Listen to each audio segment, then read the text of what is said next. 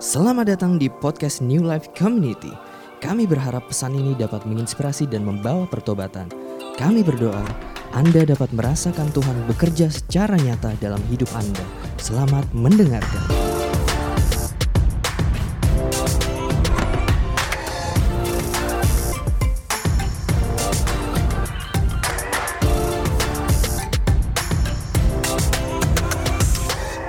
Glad to be back on site. Udah bisa offline, bisa ketemu lagi. It would be nice. Um, ya tetap kita very limited dan um, kita still social distancing dengan jumlah orang yang terbatas. But I hope everybody can enjoy uh, this kind of communion. Dan dan mungkin kalau kita um, baik semua yang ada di rumah yang menonton online pun, I, I believe Um, jangan sampai firman Tuhan terbatas karena teknologi, oke? Okay? Jangan sampai firman Tuhan terbatas karena ranjang kalian nyaman. Tapi uh, biar saya percaya, pokoknya benar-benar um, firman Tuhan yang berbicara lebih keras daripada saya. Dan itu yang saya selalu percaya. Gitu. Oke, okay? um, welcome to NLC. Buat teman-teman yang baru pertama kali hadir juga, um, I welcome you. Thank you for joining us. Um, semoga you guys enjoy and bisa tertanam di gereja di mana pun kalian berada. Nah, bulan ini kita berbicara tentang tema comeback is real. Ya, the big idea is about bahwa pandemi itu udah mengubah kita. Dari ya, pandemi sudah merubah kebiasaan kita, kesibukan kita, and our attentions itu pasti sudah berubah. Manusia pada dasarnya itu memang punya survival mode. Jadi ketika ada suatu keadaan, ketika baik mereka kalah ataupun mereka menang, they will try to survive, mereka bakal beradaptasi sama situasinya. Dan dalam adaptasi ini kita mungkin akan pasti melipir ke kiri dan ke kanan karena menyesuaikan sama keadaan kita. Nah, the big idea adalah bahwa comeback Israel ini berbicara tentang, hey, gimana seharusnya fokus kita kembali ke pada Tuhan. Hey, gimana cara kita mengembalikan lagi track kita yang mungkin sejauh ini eh, kita sempat lari-lari. Kadang-kadang kita lihat ketakutan, ngelihat baca berita, worry, dan lain-lain segala macam, bikin kita lupa sama hari-hari kita, kasih karunia Tuhan udah apa aja. Tapi begitu juga kadang-kadang kenyamanan, oh udah nggak perlu WFH dan lain-lain, eh nggak perlu ke kantor dan lain-lain segala macam, bikin kita juga lupa sama hal-hal yang harusnya kita kerjakan, gitu loh. Nah, minggu lalu Merrick sempat, saya recap sedikit, Merrick sempat bahas tentang we are living in an age of browsing, yang di mana all the choices itu banyak sekali di depan mata kalian, and you can actually now have the authority atau punya power untuk choose whatever you want. Beda ya, waktu gua kecil, SD, SMP, ya kan lu sekolah ditaruh di mana sama orang tua lu, lu nggak bisa pilih. Dia yang bayar. Bener kan ya? Dia yang bayar, dia yang pilihin sekolah lu di mana, dia yang pilihin lu pergi ke mana, mau pergi makan di mana, you actually can just follow that. Karena you have no power and no, nggak bisa pilih apa pun. Tapi once you grow up sekarang, you have the authority, you have the power to choose, dan optionsnya juga makin banyak. Ya kan, lu buka GoFood sama GrabFood begitu banyak makanan, minuman di luar sana yang mana yang lagi promo, you can choose whatever you want. Gitu loh. Pekerjaan di luar sana um, di luar sana begitu banyak job street, LinkedIn dan lain-lain menawarkan semua pekerjaan nggak pernah berhenti. Gitu loh. Everything semua selalu ada. Dan dan having that that um, options kadang-kadang membuat kita jadi selalu punya solusi bahwa I can choose another options kalau yang ini nggak working out for me. Dan karena if this thing is not working out for me, if this thing is not good for me, I can just move. It's no issue. Ada ada highlight sedikit, sedikit saya bahas, ada highlight sedikit, ada ada hal tiga hal negatif yang yang berdampak kalau kita sebagai browser lagi di zaman sekarang. Yang pertama kita jadi lumpuh, um, kita jadi kayak nggak bisa appreciate. Yang kedua kita jadi terisolasi, kita jadi kayak um, kita udah biasa dengan hidup keadaan kayak sekarang. Pokoknya hidup temen gue, yang penting gue balas email, kerjaan dan lain-lain segala macam. We like the communications with other people dan tertanam. Yang terakhir kita jadi dangkal karena sedikit nggak suka, sedikit nggak enak, we can move, we can move to another place gitu loh, gampang. You don't need a nggak perlu bersabar-sabar, nggak perlu tahan emosi dan lain-lain. Udah nggak suka ya keluar aja pindah. Banyak kok di luar sana gereja lain, ya kan? Nah, dalam konteks gereja, saya belajar dulu pas di Singapura, di gereja saya di sana, dia punya buletin tiap minggu gitu ya. Di buletin itu, buletin kira-kira segede gini lah, lebih besar lagi gitu ya. Buletin di buletin itu di halaman paling belakangnya itu ada list gereja yang ada di Singapura. Hampir semuanya. List gereja yang ada di Singapura begitu banyak. Plus sama ada nomor telepon dan alamatnya. Nah pendeta saya bilang, jadi pas bulletin itu dikeluarin, uh, youth pastor saya bilang, eh pendeta saya bilang kayak gini, dia bilang, hey, kalau kamu, um, saya buat saya yang penting, kamu datang ke gereja dan kamu tertanam, gitu loh. Kita di sini ada gereja, di sini ada komunitasnya. If you feel that you are happy here, kalau kamu merasa kamu bertumbuh di sini, you can stay here. And we will try our best untuk jadi gembala yang baik and support you. Tapi if you don't feel kayak lu bisa bertumbuh di sini, you can go anywhere you want. Ini ada list of church yang ada dia kasih misalkan ya kayak gereja dengan denominasi yang berbeda-beda, ada yang GBI lah, ada yang Presbyterian, ada yang apa segala macam, tapi dia kasih semua list kontaknya. Bagi dia yang paling penting adalah tertanam. Dan dia bilang, if you go to another place, saran saya pokoknya cari yang di mana kamu bisa tertanam dan bertumbuh. Jadi kita open gereja mana aja yang kamu mau pergi. But, but, if you are looking for a perfect church, gak bakal ada. Dia bilang, kalau kamu cari sebuah gereja karena di sini nggak perfect dan kamu cari gereja lain yang perfect, itu nggak bakal ada. And if even if kalau kamu ketemu gereja yang perfect, ini yang paling saya suka dibilang. Kalau kamu ketemu gereja yang perfect, terus kamu datang ke sono, gereja itu nggak perfect lagi. Wah, gue demen banget tuh karena dia bilang karena setelah lu datang ya udah, udah kesempurnaan itu hilang gitu loh istilahnya kayak kayak tapi tapi I remember when I was young dia bilang bahwa semua yang di created sama human, semua yang dijalani sama manusia pasti ada flow. Bener ya? Pasti ada gak enaknya. Pasti ada salahnya. Gak bakal ada yang perfect. Ya, kita udah sering denger di hari-hari kita kesempurnaan milik Allah, ya tapi itu bener. Gitu loh, bahwa, bahwa kita jauh dari kata sempurna, selama how matter, no matter berapa jagonya kita, berapa pengalamannya kita, berapa baiknya kita, berapa sabarnya kita, we will still make mistakes. And if you are looking for something perfect, itu nggak bakal ketemu gitu loh. Nah, um, seorang tokoh si Michael Jordan, I think I believe everyone knows ya Michael Jordan. Kemarin Soyin sempat salah Michael Jordan sama Kobe Bryant. Oke, okay. oh temannya Soyin, sorry beda. Ya cuman cuman um, semua orang tahu tentang Michael Jordan, one of the best basketball player ever, ya kan? Tapi di storynya dia dia bilang why he become one of the best basketball player ever. Dia kalah sekitar dia udah kalah lebih dari berapa ratus pertandingan dari shot yang dia dari shoot yang dia shoot ke basket ada 9000 lebih udah thousands yang dia miss the shot. Why he become one of the best? Because he stayed in the game. He stayed in the game and he's still playing. Dia masih main, dia compete, and even if he lose, the next day ada another match, he will fight back again. Ada ya, dia bakal continue sampai lawan terus. Now, waktu kita ngedenger cerita dia, itu saya saya search gitu karena judulnya comeback is real you search in the Google kayak a good comeback story. Dan semua pasti keluar cerita tentang itu ya kan. Steve Jobs keluar and then Apple become something like that. Ya kan? Dan semua everybody loves that kind of story. Benar kan? How you lost a battle and then you win the next one. Ya dan dan skemanya semua comeback story itu pasti sama. Yang pertama pokoknya tokoh utamanya kalah, dipermalukan, dia dikucilkan dan lain-lain segala macam. Terus dia ketemu dia ketemu sama mentor atau ketemu hope gitu-gitulah istilahnya seperti itu and then dia belajar dia dia jadi ada waktunya ada prosesnya dia belajar dan lain-lain sampai akhirnya dia menang dan dia menang eh dia ketemu musuh lamanya habis itu dia menang bener kan ya almost all movies yang tentang comeback pasti cerita tentang kayak gitu Karate Kid Avengers Finding Dory lah. Ya kayak you lost something and then at the end of the day you found something that you lose. Yang kamu kalah terakhir. Tapi di film cuma berhenti sampai sono. Benar nggak? Di film berhenti bahwa dari musuh lamanya yang dia kalah, and then dia belajar, dia menang dari musuh lamanya. Tapi di kehidupan kita aslinya, besoknya masih ada hari lain nggak? Benar kan ya? Besoknya masih ada kompetisi lain nggak? The battle is not only about that. I mean, it's gonna be great kalau kamu punya comeback story yang hebat, yang bisa represent seluruh hidup kamu.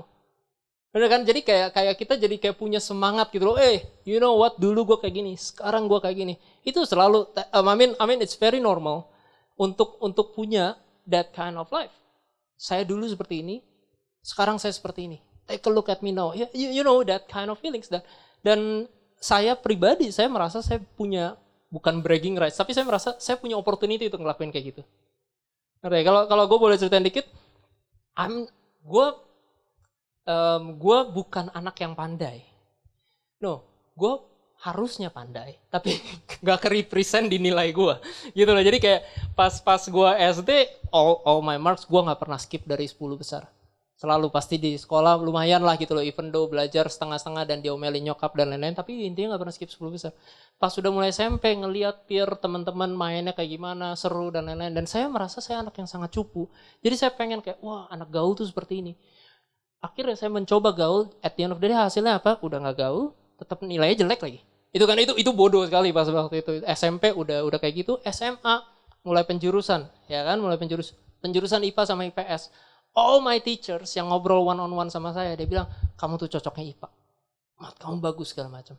Apa hasilnya saya IPS dan hampir tidak naik kelas. Oke, okay? you know kayak kayak waktu saya kuliah, um, again this is not a bragging, cuman maksudnya ini ini memang pengalaman yang saya lewatin. Waktu saya kuliah, saya kuliah bareng Ken di Singapura.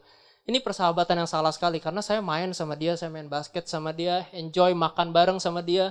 Akhir ujian dia dapat A, saya D. Jadi kayak persahabatan yang tidak adil gitu loh. Ya padahal kita spend time sama-sama gitu-gitu segala macam. Saya kuliah dari aturan 2 tahun jadi tiga tahun.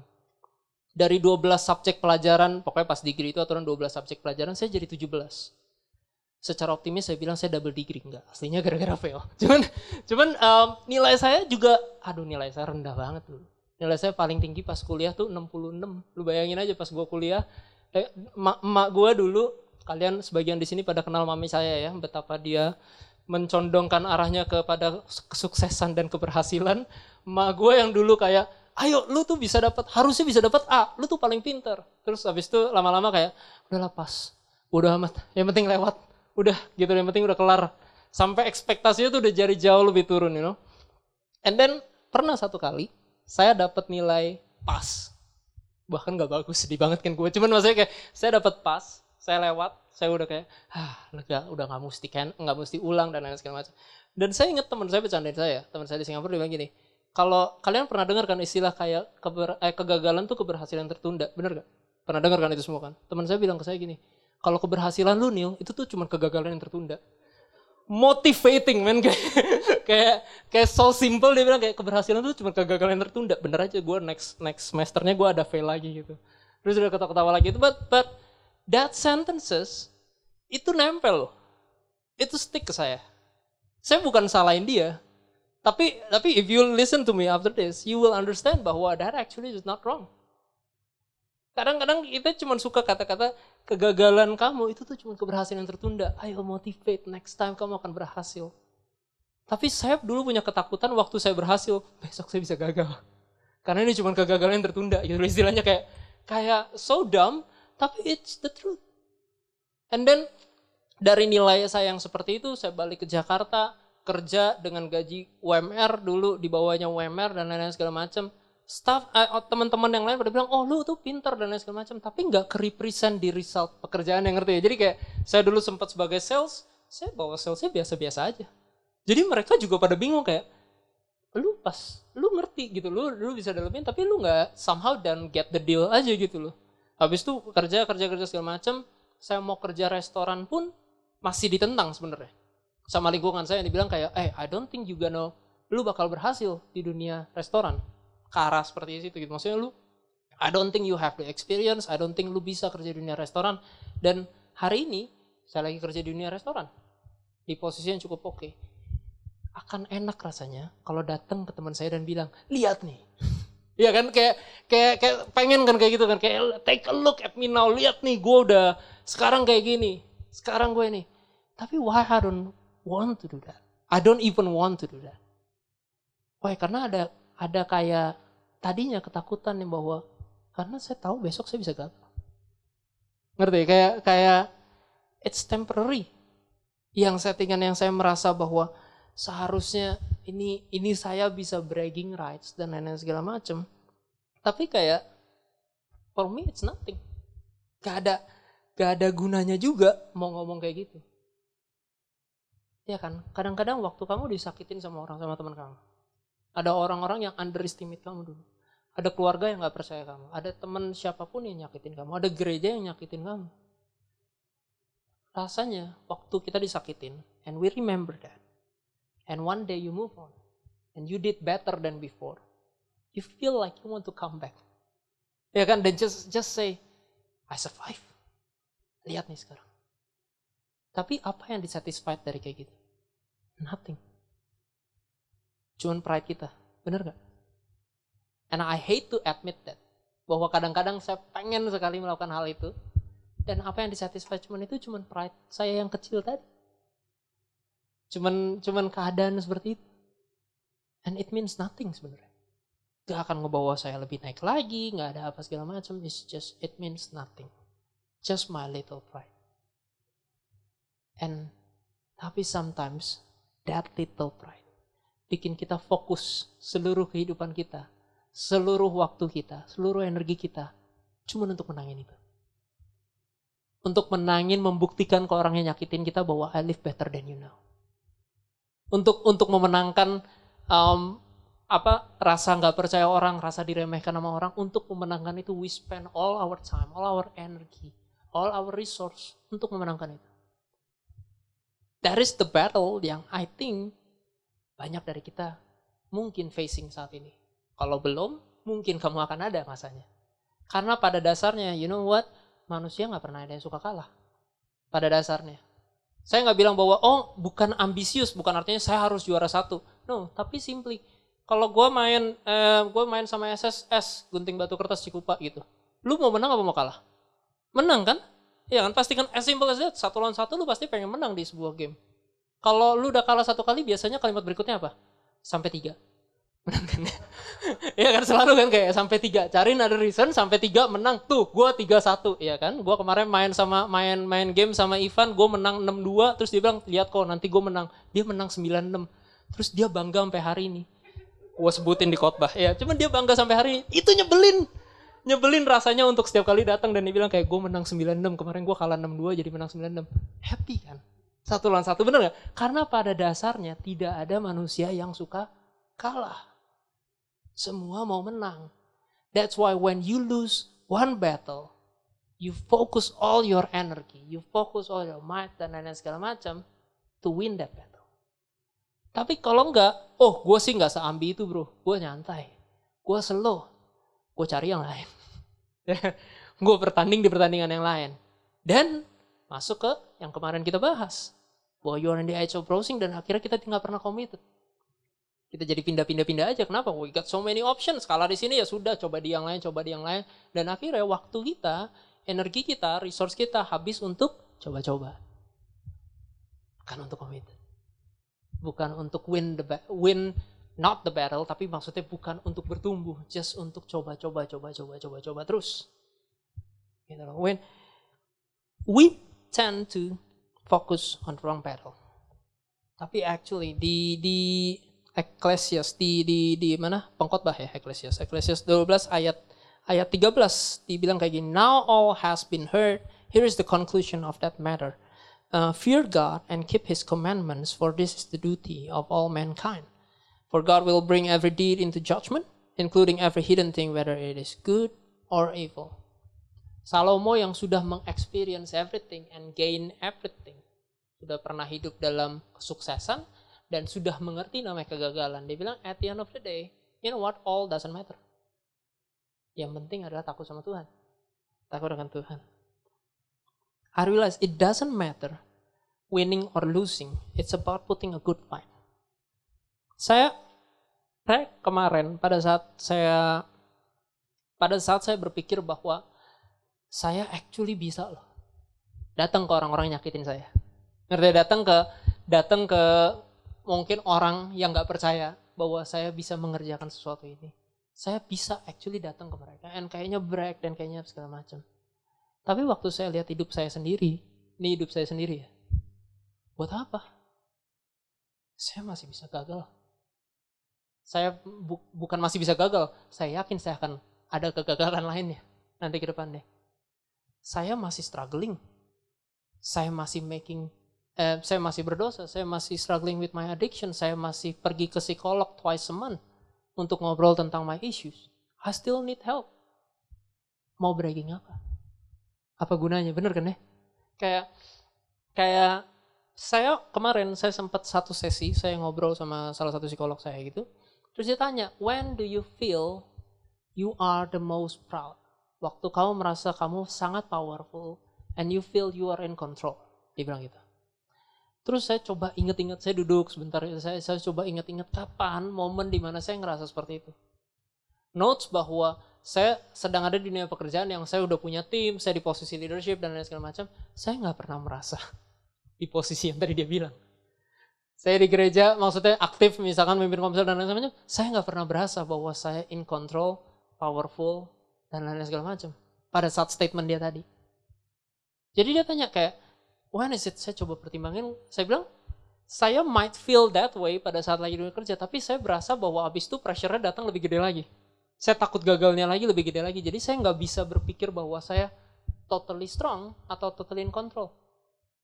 Terus saya coba inget-inget lagi dan saya cuma inget satu momen di mana saya berasa saya benar-benar in control atau powerful pada saat saya main basket. It's true. pada saat saya main basket, pada saat saya main basket, kenapa? Karena dulu, dulu badan saya sangat-sangat-sangat kurus. Sekarang nggak beda jauh, cuman maksudnya dulu lebih parah lagi. Dulu lebih, lebih kurus lagi dan dan saya ingat, saya bilang, saya suka challenge ya. Saya suka ketika orang ngelihat si anak bocah badan kurus ini bisa nge-shoot dan bolanya masuk. Jadi orang kayak di luar ekspektasi mereka. Gitu luar ekspektasi mereka dan dan pas saya main basket, saya main basket dengan serius. Artinya saya bukan bukan karena badan saya kecil saya takut tabrakan sama orang gitu loh. Saya takut kayak kesentuh dan takut mati. Enggak sih, saya takut mati. Cuman maksudnya kayak kayak saya nggak takut untuk be physical and really play basketball saya bilang saya coba ceritain memori saya tentang main basket dan saya baru sadar gue baru sadar kayak eh actually I don't mind winning or losing pada saat main basket what I do mind adalah I played well I played my hardest game. Saya bermain sekuat tenaga saya. Saya coba sebisa saya. Menang atau kalah urusan belakangan. Saya somehow saya nggak peduli sama itu. Dan memori tentang basket itu I can still recollect the stories lebih clear jauh di kepala saya dibandingkan dengan berapa banyak meeting yang saya hold berapa banyak posisi mau di panggung atau di bawah dan lain segala itu nggak pernah ingat buat saya. Justru pada saat saya lagi challenging myself saya lagi ngelawan kayak gitu saya malah lebih ingat tentang itu dan di situ saya merasa paling powerful paling ini Terus dia tanya, oke okay, berarti kamu uh, kalau gitu kamu berarti work better um, tanpa pressure. Betul. Biasanya kan kalau di kerjaan sekarang kan bisa work under pressure. Saya enggak. saya work better without pressure gitu loh. Karena tanpa pressure dari orang lain, saya udah putting pressure on myself. Well, I have to do something, I have to do the best dan lain segala macam. And and you know what? Pada saat saya ceritain, saya keinget dulu papa saya, papa saya itu pemain basket yang really really good. Benar-benar pemain yang jago yang sampai dia meninggal tuh orang-orang pada bilangnya wah gila bapak lu mah dulu tiga orang tiga orang dijaga tiga orang juga bisa lewat. Jadi waktu ke, saya kecil waktu saya SD saya pengen main basket gitu. SD SMP papi saya tuh nggak pernah kasih. Karena dia takut saya jadi pemain yang terlalu niat kayak dia jadi ya bolehnya kayak ya hobi boleh. Terus SD tanding ya SD lalu lari-lari nggak bisa main ya boleh lah gitu loh tanding. Saya ingat pas saya tanding basket dia nggak nonton dia jemput saya pulang ya dia jemput saya pulangnya, di pertanyaan, dia nggak tanya lu menang apa kalah. Padahal buat saya yang main basket, yang inget tahu papi saya jago main basket, somehow ya ini ini tanda bahwa lu kebanyakan baca komik, somehow lu merasa you have to live up the legend. Ya kan kayak kayak you have to be as good as he is segala macam semacam seperti itu. Papi saya cuma tanya, lu skor berapa hari ini? Dia nggak tanya lu menang apa kalah. Dia jemput di mobil, dia tanya, lu skor berapa hari ini? Kagak sama sekali. Udah terus dia cuma ketawa and then we drove off. That's it. So many disappointment di ketawa dia. Cuman maksud gue kayak kayak kayak I remember that. Tapi it doesn't stop me from playing. Karena saya nggak skor apa-apa. It doesn't stop me from playing meskipun saya kalah on that day. It doesn't stop me from playing because I fight my battles. Saya, saya perjuangin Atra sampai and that's fine. Dan ayah saya yang artinya notabene ayah di dunia lebih peduli daripada resultnya di belakang. Ngerti dia lebih peduli that you played in the game and you try to score. Dia lebih peduli itu daripada tim lu menang gak? Apa semuanya segala macam. Because I'm his son. Dia cuma pay attention to me. Ya kan? Hey, if you reflect that to your father in heaven, will he do the same thing? He doesn't care if you are successful. Bukan he doesn't care, cuman maksudnya the matters is not about that. Apakah kamu jadi orang tertinggi dalam sebuah divisi itu menentukan kamu lebih disayang Tuhan apa enggak? No. Apakah kamu jadi orang terkaya di ruangan ini menentukan berapa banyak Tuhan makin sayang sama kamu? No. Apakah kamu di relationship yang jauh lebih panjang daripada teman kamu buat kamu jadi orang yang lebih dicintai sama Tuhan?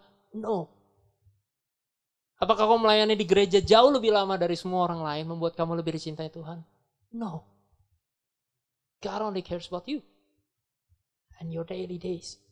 Apa yang kita lagi fighting? You know, a good comeback story di 2 Timotius 4 ayat 7. Sebentar. Oh, ternyata saya screenshot. 2 Timotius 4 ayat 7. I have fought the good fight, I have finished the race, I have kept the faith. Now there is in store for me the crown of righteousness, which the Lord, the righteous judge, will award to me on that day, and not only to me, but also to all who have longed for his appearing. So dalam bagian ini, I have fought the good fight, I have finished the race, I have kept the faith. Kalimat ini biasanya ada pas kapan? Di kuburan. Ya kan? Biasanya pada saat ada orang meninggal baru keluar ayat ini. Tapi actually, jangan tunggu sampai saya dipanggil Tuhan, baru ayat ini keluar dan merema di kehidupan saya. I should live these sentences every single day. That you need to fight for your faith. You need to still be in the race and finish the race. And you, and when you finish the race, you still keep your faith. Itu yang paling penting. Gitu loh. Ada, jadi kalau kalau saya boleh um, balikan kayak dan saat ini kita yang tahu bahwa eh oke okay, I think I think saya bisa lagi lose focus saya fokus ke battle-battle yang saya kalah atau saya fokus ke hari-hari ini kamu lagi survival mode on ya kan kayak karena lagi pandemi ya sudah kita shifting fokusnya dan lain segala macam I'm saying this bukan berarti kamu fokus kembali ke gereja, ayo pelayanan semua setiap hari di gereja. No, no, no, no, no, bukan itu. Cuman maksud saya, hey, ada battles yang lebih penting daripada battle yang tadinya kamu pikir kamu kalah. Ada battles yang lebih penting yaitu pertandingan iman kita. And that's where we should put our focus. That's where we should put all our energy ke dalam sana. Gitu loh ada ada ada tiga steps yang yang secara um, yang menurut saya ini untuk memulai our comeback. Again, I'm not saying this bahwa hey uh, when I say that you need to come back to the one that really matters yaitu sama Tuhan. Bahwa pengkhotbah udah ceritain yang tadi saya bilang bahwa bahwa pengkhotbah udah bilang paling penting tuh at the end of the day fear God. Kenali Tuhan kamu, hormat sama dia, takut sama dia. Bukan takut karena hukumannya, tapi karena in all of his greatness, karena kehebatannya, karena karena his wonders, gitu. his things yang dia udah lakukan buat kita. And waktu kita mau datang ke sana, bukan berarti, let me tell this, bukan berarti battles kamu nggak penting. Bukan berarti kamu bisa cuek-cuek aja di pekerjaan. I'm just living my life and ya udah. Bukan berarti kamu bisa cuek-cuek aja sama si community kamu atau keluarga kamu dan lain whatever it is. No, I'm not saying that it's not important. Because pada naturalnya kita akan try to win that battle. And it's fine. It's fine to do that. But you just need to remember ada yang 10 kali lebih penting daripada itu. And and how to start the comeback? Yang pertama adalah um, are you like this? Yang pertama adalah come as who you are. Sama Tuhan kita banyak saya banyak baca dan lain-lain semua pasti ada kayak six step program untuk mengenali Tuhan to find purpose in your life dan lain-lain segala macam. Ada ada banyak step-stepnya mesti ngapa-ngapa-ngapain but actually it's as simple. The first step is only come as who you are. Sometimes gini waktu saya bilang come as who you are come as who you think you really are. Kadang-kadang kita sudah terlalu Kristen. Maksudnya gini, saya kita mungkin sudah di gereja terlalu lama sampai kayak Bapak, ini aku anakmu. But do you actually believe that? Ngerti? I, I prefer to be honest. Waktu kamu bilang, oh Tuhan, God is my friend. But do you actually communicate as a friend? God is my father. Do you actually believe that is your father that will take care of you? Kalau kamu belum percaya itu, nggak salah loh. I'm not saying bahwa kamu harus, oh ya begitu. Karena kadang-kadang kita sudah terlalu lama Kristen, kita hafal kata-katanya, kita hafal doa-doanya, but you don't actually believe that. Tapi kita nggak actually living that. That's why I say when you come as who you are, who you are today. Who you are, who you think, what your position really are. Apa yang kamu bawa di tangan kamu, apa yang ada di hati kamu, itu yang kamu bawa benar-benar. Waktu Musa dipanggil sama Tuhan di, eh, di keluaran, keluaran 4 ayat 1 sampai 2. Waktu Musa dipanggil sama Tuhan di semak belukar, gitu ya. Dipanggil bahwa, hey, kamu akan memimpin, gue mau kirim lu kembali ke Mesir, pimpin bangsa Israel keluar dari ini, mau bebasin bangsa gue. Musa takut. Wajar nggak Musa takut? Wajar. Kita banyak dengar khotbah kayak, iya Musa, Musa hatinya kecil dan lain-lain segala macam. No, kalau gue jadi Musa gue juga takut cuy. Ya kan dia dia baru lari dari negara itu. Sekarang dia balik bukan to do charity work. Ya kan dia balik bukan untuk bukan untuk berbuat baik, membangun negaranya lagi. No, dia balik buat ambil semua budak-budaknya dibebasin. Dia balik to do something unthinkable. Of course he is afraid. Ya kan waktu dia tanya, waktu dia ini Tuhan berkali-kali bilang, hey I am the God, I am the God, gue Allah dari dari keturunan atas lu, dari nenek moyang lu, dan segala macam. I am the God, I will be with you, I will be with you. And Moses is still scared. Sampai Tuhan bilang, oke okay, gimana kalau nanti gue ke sono, and people says, lo mana Tuhan? Dia nggak show himself in front of you. Apa yang Tuhan tanya? What is it in your hand? Apa yang kamu punya di tangan kamu? Hey, kalau gue jadi Tuhan, kalau gue, gue bisa peti loh. Ya kan? Cuy, gue udah selamatin lu dari bayi. Semua bayi di Mesir, semua bayi laki-laki di Mesir itu mati pada saat itu. Lu ngapung-ngapung di sungai Nil sampai sampai diambil. Sampai diangkat, sampai jadi diangkat sampai di posisi tinggi di Mesir. I protect you since you were a baby. Ya kan? Waktu lu bunuh bangsa Ibrani, lu bisa lari. Lu ketemu sama Zipora dan lain macam, I still protect you in the wilderness. Kalau Tuhan petty, kayak saya, you can count that, ya kan? Gak kurang apa? Yang gue berbuat baik dulu, gak kurang apa yang dulu blessings-blessings yang gue udah pernah kerjain buat lu? Gak kurang, lu gak inget yang dulu apa segala macam. No, tapi di kalimat itu Tuhan gak ngomongin tentang yang dulu-dulu. Tuhan tanya, what do you have in your hand right now? Dan Tuhan tanya apa yang kamu punya di tangan kamu sekarang. Dan Musa bilang, I have a staff. Throw it on the ground. Dan ketika tongkatnya dilempar, you know the next story, jadi ular dan lain segala macam. Dan dia bilang kayak, eh tapi gue limited, gue apa namanya, gue cadel dan lain segala macam, gue nggak pandai berbicara dan lain segala macam. Hey, I will send you help. Your brother will help you. God helps who you are and where your position is. Jadi buat apa lu datang ke Tuhan with an image that I'm a good Christian. With an image that yeah, I've been a lifelong Christian, but without that understanding. God only needs you to come as who you are. That's the most important part. That's number one.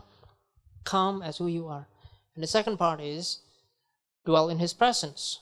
Apa maksudnya dwell in His presence?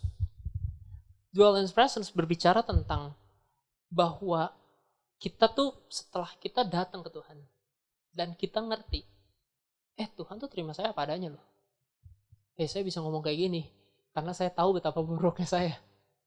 Bukan karena saya tahu betapa hebatnya saya, justru karena saya tahu betapa bobroknya saya, betapa berdosanya saya, betapa kurangnya saya. Saya ngerti kenapa Tuhan masih, saya bingung kadang-kadang kenapa Tuhan masih mau bayar sama saya. And when you are in presence of that grace, dari kasih karunia kayak gitu, you just need to stay there. You just need to dwell in His presence. Untuk cari terus. Kerajaan Tuhan di uh, Matius 6 ayat 33 dibilang gini, But seek first His kingdom and His righteousness and all these things will be given to you as well. Carilah dahulu kerajaan Allah dan kebenarannya, maka semuanya akan ditambahkan padamu. 1 Korintus 13 ayat 1 sampai 3 dibilang kayak gini. If I speak in the tongues of men or of angels but do not have love, I am only a resounding gong or clanging cymbal. If I have the gift of prophecy and can fathom all mysteries and all knowledge, and if I have a faith that can move mountains but do not have love, I am nothing. If I give all I possess to the poor and give over my body to hardship that I may boast, but do not have love, I gain nothing. Waktu kita bilang, eh, I dwell in the presence of the Lord. what do you ask for? You ask for wisdom. Bukan cuma duduk-duduk manja dan lain segala macam, but you ask for wisdom. Why? Why do you ask for wisdom? Wisdom itu the ability to translate, to put into word what you understand. Artinya kadang-kadang yang tadi kita bilang, we've been a Christian maybe long enough untuk hafal beberapa ayat, untuk hafal isi janji Tuhan, untuk hafal bahwa hey, as a Christian, what you should do. Harusnya kita ngapain di dunia ini segala macam. But to put that into work, it needs wisdom. That's why when you stay in the presence of the Lord, what you pray for, you ask for wisdom. Supaya kita bisa translate apa yang kita tahu ke dalam keseharian kita. Ke dalam hari-hari kita. For me, it's pointless kalau gue khotbah di sini. Tapi habis itu pas gue besok kerja, gue ngerendahin semua orang gue ketemu. Dengar kayak besok gue kerja, gue kasarnya nge maaf kasarnya adalah ngegoblok-goblokin orang-orang yang mungkin kerjanya anak-anak belum bagus. Padahal gue sendiri juga kadang salah. It's pointless for me kalau gue habis khotbah di sini, and then pas pulang gue nggak nggak nggak respect my wife, you know nggak respect my family. It's pointless. It's very important bahwa bahwa when you dwell in His presence and ask for wisdom supaya kita ngerti bahwa love yang tadi dibilang, love is an action. We need to do something. We need to go out, we need to do something about it. Bukan cuma duduk diam dan ngapa-ngapain. It is an action. Jadi jadi di sini kayak kayak saya pengen supaya kita benar-benar ngerti bahwa oke, okay, setelah kita datang dengan apa adanya kita, kita tahu Tuhan punya purpose buat kita pasti. Pasti you will come to find bahwa God has a specific purpose for you. Minggu lalu Mary juga sempat bahas. Ada beban rohani tersendiri yang ada dalam hati kita. Yang you feel like ada orang lain yang yang kayak yang ya ada orang lain yang tersentuh kalau orang-orang yang memang sakit dan lain-lain segala macam. Orang beda-beda. When when you feel that that notch, ada dorongan seperti itu, do it. Do it. Really do it. And to put practice apa yang kamu dengar, apa yang kamu baca, apa yang kamu doakan into your daily life action, that needs wisdom. That's why you stay in the presence of the Lord. Dan yang ketiga, ini yang paling penting. Boleh saya undang tim musik? Mungkin?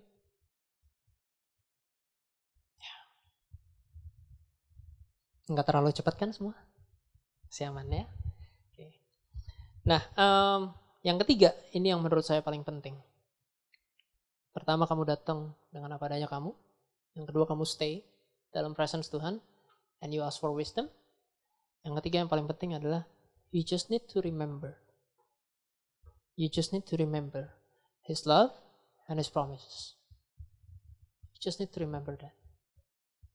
Why I said bahwa yang ketiga, yang mungkin the least actions, yang paling yang cuman tujuannya cuman nginget doang. Remember His love and His promises. Because that is the source of our life right now. That is the source of how I can move on and do better the next day. Seriously, kalau gue sampai sekarang umur 31 masih bisa napas, masih can continue my days, and tomorrow I will fight another battle. Tomorrow I will fight another battle. Hey, if you know, if you really know who you are, buat saya, kenapa saya bilang saya nggak ada bragging rights. Saya nggak bisa datang ke orang dan bilang, hey, lihat saya betapa suksesnya dan lain macam. Saya nggak bisa ngelakuin itu bukan karena saya merasa saya tidak cukup sukses. Ada orang yang lebih sukses bukan karena itu. Karena saya berani bilang hari ini saya bisa berbuat benar dan hari ini juga saya bisa berbuat dosa. Hari ini saya bisa bikin orang lain bangga sama saya dan hari ini juga saya bisa kecewain orang lain.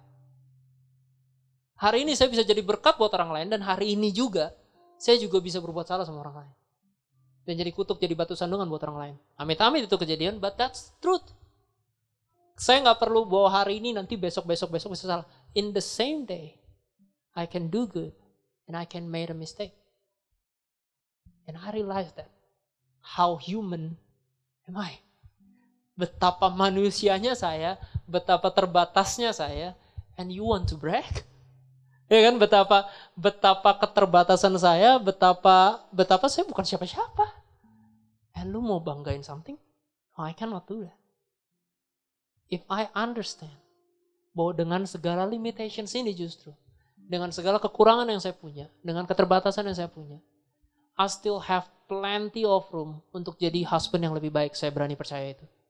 I still have plenty of room untuk jadi bapak yang lebih baik, untuk jadi leader yang lebih baik, untuk jadi teman yang lebih baik, untuk jadi anak yang lebih baik buat orang tua saya. Saya masih percaya saya have plenty of room to grow ke arah sana. And meanwhile when I grow, I know I will make mistakes. But that is why I remember. Roma 8 ayat 37 sampai 39 um, dia bilang kayak gini, No, in all these things we are more than conquerors through him who loves us. For I am convinced that neither death nor life, neither angels nor demons, neither the present nor the future, nor any powers, neither high or depth, nor anything else in all creations will be able to separate us from the love of God. That is in Christ Jesus our Lord. No conditions No conditions whatsoever, not in happiness, not in sadness. Bukan di dalam kondisi apa pun baru Tuhan bayar kita. Nothing, literally nothing can separate God's love from us. Literally nothing.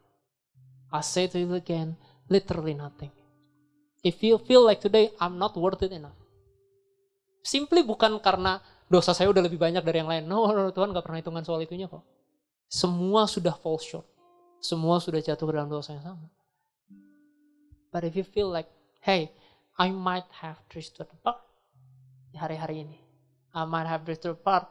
Sedikit saya udah lose my focus. Di mana saya harusnya kembali ke Tuhan, tapi saya fokus sama battle-battle saya. God says that there is nothing, nothing, nothing can separate us from the love of God. You know, we think kita God respond to our work. Benar kan? Karena that's how the world works. God, it seems like God responds to our works, but actually, when we live, we respond to God's work. Tuhan udah kerjain buat kita. And that's why I say, the source of my life is not about my might, my talent, my capacity, or whatsoever. My resources, no, no, no. The source of my life is not about that. The source of my life is about remembering bahwa Tuhan udah love us so much and nothing can separate that. You don't have to have, you don't need to pursue your comeback. You don't need to pursue your comeback, your battle yang kamu udah kalah. You don't even need to pursue that. Karena udah ada satu comeback dulu 2000 tahun yang lalu. Yang Tuhan Yesus sudah lakukan dari kayu salib sampai dia bangkit to overcome all the loss yang kamu lagi experience today and tomorrow until the day you die udah ada satu love yang kerjain itu. Yang udah win that comeback. So you don't need to pursue and spend all your life, your focus cuman buat ke sana. The battle is finished. The battle is done. You just need to remember. Udah udah ada orang yang ngelakuin itu buat kita. And how should we respond? Right now. That is supposed to be our calling. And boleh aku undang semua untuk berdiri. And I will tell the last time, I believe it's not gonna be easy. Yang tadi saya bilang, kegagalan itu kesuksesan yang tertunda. Tapi kesuksesan juga kegagalan yang tertunda. You don't have to care about that. Life moves on. Success or fail, lu tetap nafas. There's still tomorrow. Bener kan? Success or fail, broken hearted or joy, whatever it is, you're still breathing then you can still do something about it. And God still have works for you. Tuhan masih bekerja di dalam kamu dan Tuhan masih pegang kamu. So you just need to focus on that and focus on the members. And I know coming back to God is not like an easy story. If you know that coming back to God, Paulus bilang siksa dan penjara menanti aku. Will you go to God? If you know that bahwa datang ke Tuhan it will mean there will be more adversities. Bakal ada banyak kesusahan ke depannya. Will you come to God? Because today, I choose to still come to God. Kenapa? Karena pada 2000 tahun yang lalu dia udah ketemu adversities waktu dia mau mati di kayu salib buat saya. Dia udah tahu bahwa saya akan tetap dosa, saya akan tetap ngecewain dan lain-lain, tapi he still choose to do that. So it is my time now to answer No matter how hardship, besok, no matter kesulitannya gimana, no matter lu dihina karena lu percaya sama Tuhan, I will still worship the Lord. I will still praise the Lord. Terima kasih sudah mendengarkan podcast ini. Kami berdoa Anda diberkati melalui pesan yang telah disampaikan. Mari sapa kami melalui Instagram @newlifec dan bagikan pesan ini supaya lebih banyak orang yang diberkati.